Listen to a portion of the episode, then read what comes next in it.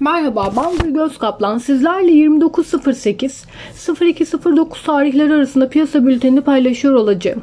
Hafta yükselişle başlayan BIST endeksi bankacılık endeksi öncülüğünde yükselişini devam ettirerek 3188 ile yeni tarihi seviyeyi test ederken hafta %4.17 yükselişle 3146'dan tamamladı.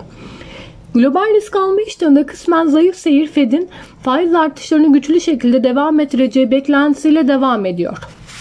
Başta Amerika Birleşik Devletleri olmak üzere zayıf gelebilecek ekonomik verilerin resesyon endişelerini tekrardan güçlendirerek borsalarda bir satış baskısı yapması beklenmektedir. Bu açıdan Amerika Birleşik Devletleri'nde açıklanacak istihdam verileri önemli olacak. BIST yüzde güçlü bilanço açıklamaları sonrası yükselişini bankacılık endeksi öncülüğünde güçlendirerek devam ediyor.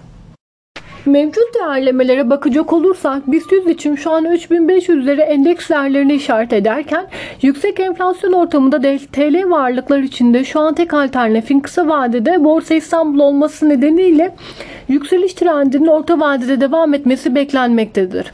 Son dönemlerde de yabancı girişi oldukça e, göze çarpmakta.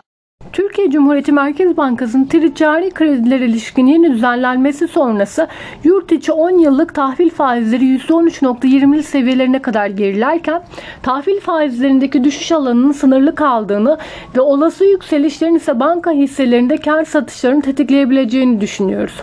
CDS'lerde bu hafta içinde dalgalı bir seyir izlerken hafta 720'li seviyelerde tamamladı. DTH'larda 3.26 milyar dolar azalırken bu azalışın 1.09 milyar doları gerçek işler, 2.16 milyar doları ise tüzel kişilerden kaynaklanıyor.